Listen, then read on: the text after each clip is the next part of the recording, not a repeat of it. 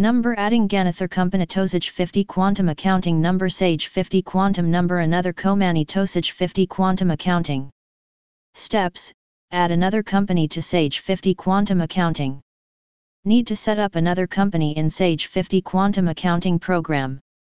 This will need to be a company that will only be accessed by myself and possibly two others users.